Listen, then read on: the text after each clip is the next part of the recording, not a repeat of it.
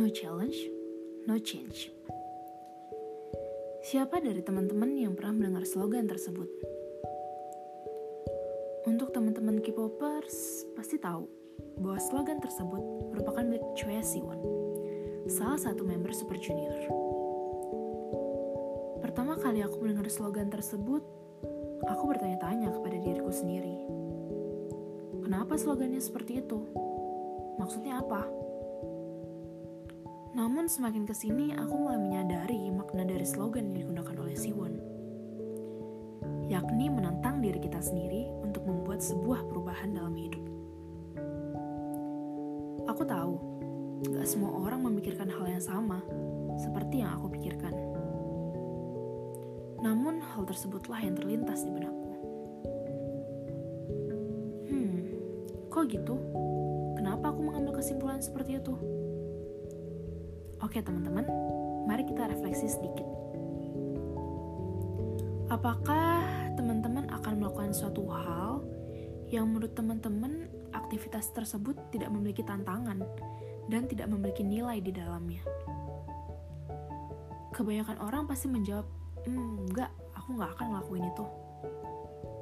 Dan berdasarkan pengalaman yang aku miliki, aku juga tidak akan melakukan suatu hal yang menurutku tidak memiliki nilai perubahan karena pada dasarnya setiap orang pasti ingin untuk membuat perubahan. Baik dalam dirinya sendiri maupun pada lingkungannya. Karena hal tersebutlah yang membuat diri kita menjadi lebih hidup dan lebih memiliki makna. Namun saat ini banyak orang memilih untuk berdiam diri dan bungkam tanpa melakukan hal yang sebenarnya ingin mereka lakukan.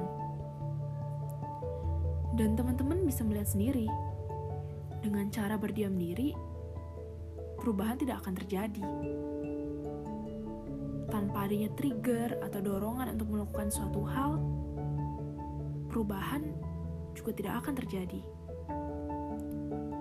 Dan sialnya lagi, semua perubahan itu dimulai dari diri kita sendiri kehidupan sudah memberikan kita pilihan.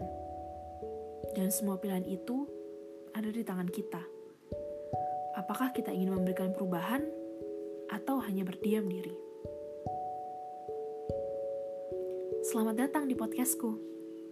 Inilah saatnya aku mencoba untuk men-challenge diriku sendiri dan membuat sebuah perubahan.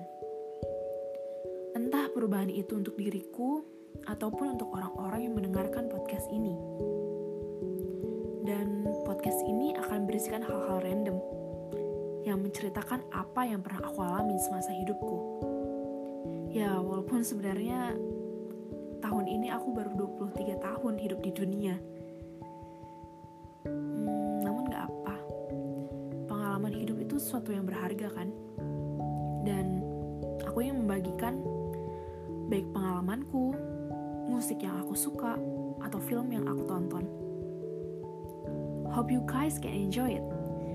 Dan aku juga open discuss untuk teman-teman yang ingin berdiskusi. I'll drop my contact on the description box ya. And see you.